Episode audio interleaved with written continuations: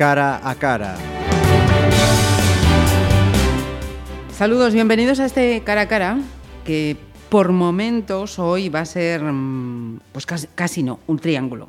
¿Por qué? Porque tenemos, como es habitual en este programa, una invitada, pero vamos a añadir eh, también otra, otra mujer, otra voz femenina. La protagonista, Ana Oncina, una ilustradora jovencísima que está estos días ha estado pues, eh, con una sesión de, de firma de libros de su última publicación, Croqueta y Empanadilla 3.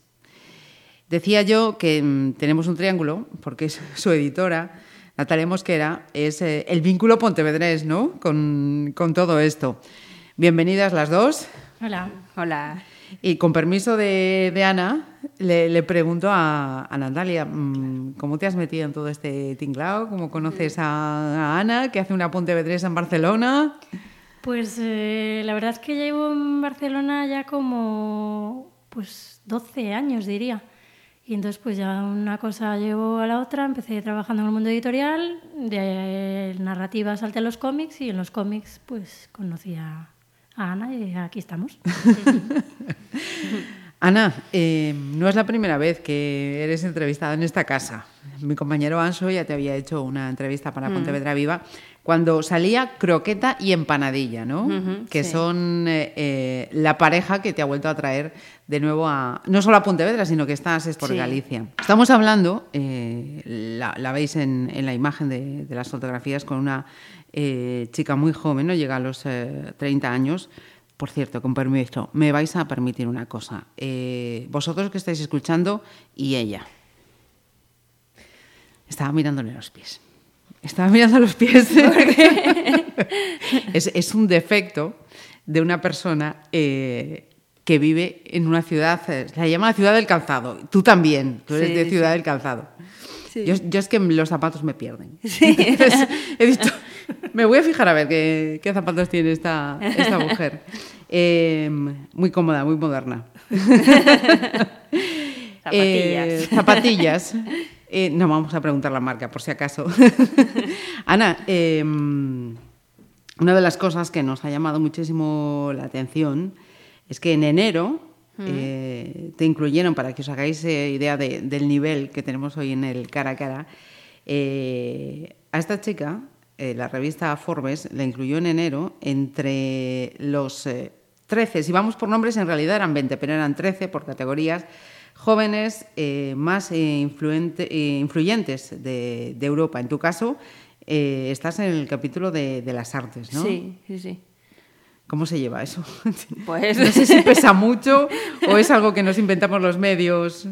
Eh, lo llevo que no me lo acabo de creer, entonces uh -huh. lo, lo, llevo bien. Uh -huh. Me parece como pues, muy, o sea, es un, algo, una pasada, ¿no? Que, que te reconozcan eh, encima del capítulo de artes que es muy amplio. Yo no tenía, o sea, no sabía que esto existía dentro de Forbes. Yo Forbes la conocía por, por listas de gente con dinero. Con muchísimo dinero. sí, y no, no sabía que hacían esto. Entonces, bueno, cuando, cuando me dijeron, bueno, te hemos incluido aquí. Y directamente me pasaron el link de, ya de la lista con, con quienes estábamos me sentí súper afortunada y un reconocimiento que, que bueno, no sé si merezco, ¿eh? Porque... Tengo porque, que... Perdona, sí. No, no, simplemente eso, que, que, era muy amplio porque hay desde cocineros hasta gente que se dedica a la moda y, bueno, creo que de cómics solo estoy yo, entonces... Sí, es... sí, sí, he visto que están de... hay un chef, hay mm. distintos sectores de, distintas eh, industrias de la política. Está Irene Montero, la diputada de, sí. de, de, Podemos. Yo los únicos nombres que conocía era el tuyo y el de Irene Montero. Tengo mm. que decirlo así de claro. El resto se me escapaban, se me escapaban todos. Te iba a hacer una pregunta, pero casi la voy a dejar para, para el final, después de lo que nos has dicho de, de la revista eh, Forbes. Tú estudias eh, Bellas Artes allí en, en Valencia, ¿no? Mm -hmm. y, y, en qué momento dices, lo mío es la, la ilustración? ¿Cómo, cómo llega esa, esa vena artística? Bueno, yo eso desde, desde que iba al cole, yo ¿Sí? creo, sí, sí. A mí me gustaba mucho el cómic y ya cuando iba al cole empecé a hacer mis primeros intentos de, de cómic. Lo que pasa es que luego es como esa afición frustrada que dices, bueno, esto no me voy a poder dedicar. Luego me metí a Bellas Artes y en Bellas Artes como que, por lo menos en mi época, no potenciaban mucho esa rama. Era como un arte menor, entonces eh, ya empecé a pensar pues, en la animación y en, otras formas, que a mí lo que me gustaba era contar historias, entonces me empecé a especializar por ahí. Y bueno, al final de la carrera, como por una tontería salió lo de croquetía y empanadilla, y en el último curso justo fue cuando se publicó, entonces eh, todo empezó a ir bien, por suerte, y me pude dedicar a ello. O sea que mmm, pocas personas tienen la suerte de decir que estando terminando la carrera ya, ya, ya ven su futuro en las manos. Pues, Eso no es habitual para que luego... Sí, sí, sí, yo creo que he tenido muchísima suerte. Visto bueno, cómo hay está que valer. el panorama. La, la, suerte tampoco viene sola, ¿eh? La suerte hay que buscarla. Bueno, un poquito de las dos cosas. También estaba Natalia ahí que le echó el ojo. y bueno, yo creo que también tuve suerte de eso, ¿no? De estar en el momento y en el lugar correcto. Uh -huh. mm. Mira, eh, decías que eso, ya desde chiquitina te tiraba el cómic que leías. ¿Qué cómics eran los que, los que leías? Pues en mi casa sí que teníamos Zipizape, Tintín, Asterix y Obelix, que me gustaban un montón, pero yo creo que cuando me vino toda la afición del cómic fue cuando empecé a, cuando descubrí el manga, uh -huh. eh, que, bueno, fue un poco por, por mí misma que empecé a ver los primeros dibujos en la televisión y ya empecé a comprarme cómics. Y ahí fue cuando me. Esas historias así romanticonas, que muy moñas, que a las veces esto no. Esto es horroroso. Pues ahí fue cuando, cuando uh -huh. vi que era lo que me gustaba. Vamos a hablar de croqueta y, en, y empanadilla. Y no nos vamos a poner aquí en harinas, ni muchísimo menos. Eh, croqueta y empanadilla, estamos hablando de, de una pareja de, de, hoy en día, ¿no? Hmm. Sí, sí. Y además a mí me ha gustado mucho cómo, cómo nace este. Va, nació una tontería. A mí me resulta muy simpática cómo nace croqueta y empanadilla y quiero que nos lo cuentes. A ver, pues simplemente pues estas cosas que estás con tu pareja y estás así como un poco embobada y me dijo estaba empanada y yo le dije pues yo soy una empanada, tú eres una croqueta y bueno, nos hizo gracia y como fue en una de las historias del primer libro, que fue en el viaje a Berlín, que fue un desastre total, pues decidí dibujarlo con estos personajes y ya pues no paré. y, y ahí estamos, fíjate. Ha llegado demasiado lejos uh -huh. la broma. Eh, esto era 2013. Sí. Primera, mm. Primer volumen de Croqueta y Empanadilla. Que, ¿Cuántos ejemplares? Bueno, ejemplares no sé si nos lo puedes decir. Ediciones creo que 13, ¿no? Mm. Casi nada. ¿Eso cuánto se traduce en, en libros? Pues de la primera 13, pues mm, 15.000 por lo menos, diría. 15.000 sí, por lo menos, nada. sí. Uh -huh. Y mmm, cuéntanos, es, eh, eh, Croqueta y Empanadilla relatan el, el día a día de, de una pareja de, de, hoy en día. Tocas todos los palos, ¿no? Uh -huh.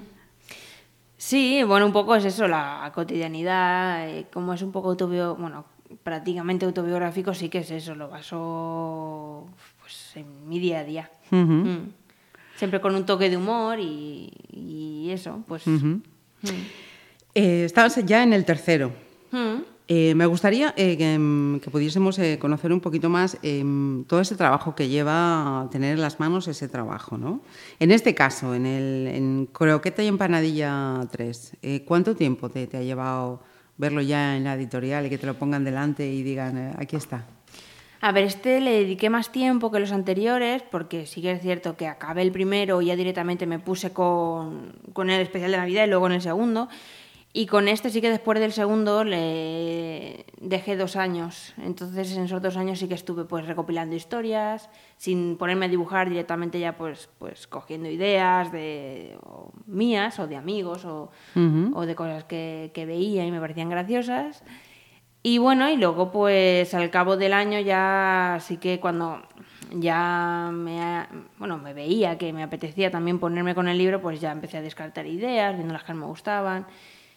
Y bueno, también yo creo que, que quería evolucionar, quería pues hacer, jugar un poco más con la narrativa, con, no sé, con, la ilustración. Entonces... entonces, bueno, yo veo cierta evolución en ese libro y creo que le dediqué el cariño y el tiempo que, que quería y que creo que merecía. O sea que para sacar este libro adelante hay que tener eh, ingenio y creatividad um, para, para, crear los textos, la narrativa de ese libro. e ingenio y creatividad eso para ilustrarlos, ¿no? Para tener un, digamos que un, estilo propio, o que esos personajes mm. tengan una seña de, identidad, que me imagino que, dada esa vinculación a, ti, eh, también serán eh, personajes e historias que, como dices, van, van evolucionando, ¿no? Van haciendo, teniendo su bagaje. Sí, es que sí que es cierto que creo que y Empanadilla es bastante fiel a mi vida. Entonces, eh, claro, sí que hay mucha gente que me dice, bueno, el paso lógico ahora cuál es, que se casen, no tengan hijos. Entonces sí que es cierto que, claro, están basados en mí y yo los noto como muy míos. Y yo, claro, yo en mi vida no veo que sea el lógico. Entonces, bueno, pues sí que es cierto que, tampoco quiero eh, que sea siempre lo mismo, que siempre hablen de, aunque sí que el toque de humor es que a ver quién le roba la manta a quién, pues sí que quería, pues, en ese sentido, evolucionar también narrativamente o meterlo de, pues hacen el viaje del Camino de Santiago, pues eh, hacerlo, cambiar un poco, ¿no? Que no quede todo solo en eso, en, las historias de, la habitación. Eh, háblame de la revista Voltio. ¿Qué es? Eh, ¿qué, quiénes estáis ahí? ¿Qué hacéis? Pues eso salió como un proyecto con, con Alex, que es mi, mi pareja, que bueno, estudió conmigo Bellas Artes y también se dedica al cómic. Y bueno, se nos ocurrió la loca idea de, de, pues de hacer una revista, porque bueno, hacía mucho tiempo que no, que no nos hacían entrevistas de cómic. Y también, pues bueno, al haber, haber metido la cabeza en este mundo, ya hemos conocido muchos autores y autoras que, que admirábamos un montón y creíamos que había muy buen rollo. Y bueno, y pensamos, ay, ¿por qué no hacemos algo con, con todos ellos? Y seguro que será algo muy chulo. Bueno, se nos ocurrió esto. Eh, la idea era un poco autoeditarlo y, y, bueno, hacerlo como pudiésemos. Pero bueno, la cúpula se, se, bueno, se enteró del proyecto, se animó y, y bueno, pues han salido dos números y, y, muy bien, la verdad es que muy contentos. Han hecho una edición súper chula, la verdad. Eso no hubiéramos podido conseguirlo seguro. Mira, eh, ¿cómo es la casa de, de Alexiana? Dos artistas, ¿cómo, cómo, ¿Cómo es? Pues podía ser mejor porque Barcelona es muy cara y la verdad es que, que nos gustaría tener un estudio así grande donde poder trabajar. Pero bueno, es una casa pues viejita, así... más que el aspecto físico me refiero a, una pareja con dos ilustradores. Yo, yo os imagino a los dos, cada uno ahí en su, mesita, dándole al dibujo, tira, tal, todo el día. Cada uno a lo suyo y cuando uno sale, pues el otro le habla de lo que está haciendo y no acabas de salir de ahí tienes que dar una vuelta y decir, basta. Mira, me han dicho que dentro de nada te vas a Uruguay. Sí, el bueno, sí, este mes, en dos semanas, me han invitado allí a un festival de cómic y seguro que está muy chulo, me han hablado muy bien. A ver, qué tal. ¿Viajando mucho últimamente? Sí, porque bueno, hace poco estuve por la Comunidad Valenciana, la semana que viene me voy a Sevilla y ahora estoy por aquí. Así es que, pues sí. Ahora echándole un vistazo ahí a, la red, eh, resulta que yo pensaba que había sido ya, me ha dicho Natalia. No, no, todavía no, se va en octubre. ¿Qué pasa con ese viaje a Corea y Japón? Cuéntame. Eh, es un viaje personal con Sí, sí, lo sé, lo sé. Pues, Pero lo has dejado ilustrado por ahí, que he visto. Claro, ¿eh? porque yo ese viaje lo llevo queriendo hacer desde, yo qué sé, desde que tengo 11 años o era como mi sueño, bueno, y es, y, bueno, pues como somos un... Hay bastantes autoras y autores, bueno, en Barcelona pues nos hemos juntado unas cuantas, así que, que nos gusta mucho ese rollo, bueno, ya han ido, de hecho. Y bueno, pues eh, se nos ocurrió la idea loca esto de ver un vuelo súper barato y dijimos... Allá vamos. Sí, sí. Acabas de decir, hay muchos autores y autoras ahí en Barcelona. Eh, hay muchos jóvenes en esa franja de edad como, como la tuya que ya no solo que, os queráis dedicar, sino que podéis dedicaros y viviros de, esto de la ilustración y del cómic. Hombre, muchos, muchos, mm, no, pero hay, sí que hay, sí que hay en Barcelona hay un montón e incluso más jóvenes que se me ocurren. Por ejemplo, Julia y Nuria, que, que estudiaron conmigo en Valencia, que son más jóvenes que yo, pues estudiaron eh, la carrera allí y que Julia es de Coruña y son buenísimas. Bueno, tienen un libro publicado en la cúpula, de hecho, que es de mi pueblo y, bueno, también hay gente que está saliendo, está saliendo muchísima gente, sí. Eh, con permiso, Ana. Eh, Natalia nos decía aquí, nada, hace unos días, eh, un ilustrador que podemos presumir aquí en Pontevedra, Kiko da Silva, con esa escuela que tiene el garaje hermético, que está de, de cumpleaños, cumple cinco añitos. Eh, él nos hablaba en esa tertulia y en alguna ocasión que hemos tenido también de, hablar que mm, Barcelona precisamente digamos que es el, germen de, todo lo que se mueve en torno al cómic y la ilustración en, España. Eh, el, ejemplo del garaje hermético es una muestra de que mm, hay, más referencias que, Barcelona, pero sigue siendo el, el eje para aquellos que, que, quieran decir aquí, aquí es donde se mueve, donde está el bacalao.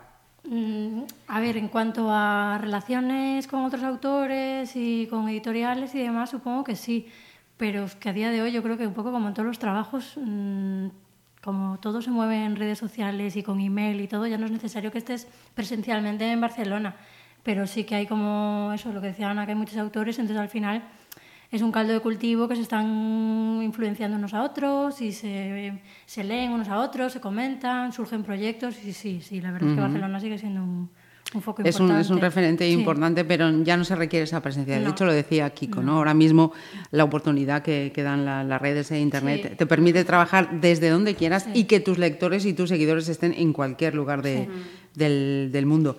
Eh, por cierto, y hablando de eso, mm, ¿de dónde es el lugar más lejano, más, más extraño que te podías imaginar que, que te llegó un lector? Y que tengas conocimiento, claro. Puede que tengamos, vete a saber dónde. Pues, mmm, a ver, yo creo que hay mucha gente, yo creo que Japón o, o China, sí que... Uh -huh. Sí que lo sé sobre todo porque hay unas chicas de Asturias que hacen unas figuras de cerámica de croquete y empanadilla. Uh -huh. Y a ellas sí que les han comprado de, de China, de Japón, de, de, América, de Sudamérica. Entonces, mm, yo creo que de, pues eso, de, de fuera de uh -huh. Europa, sí, hay gente por ahí.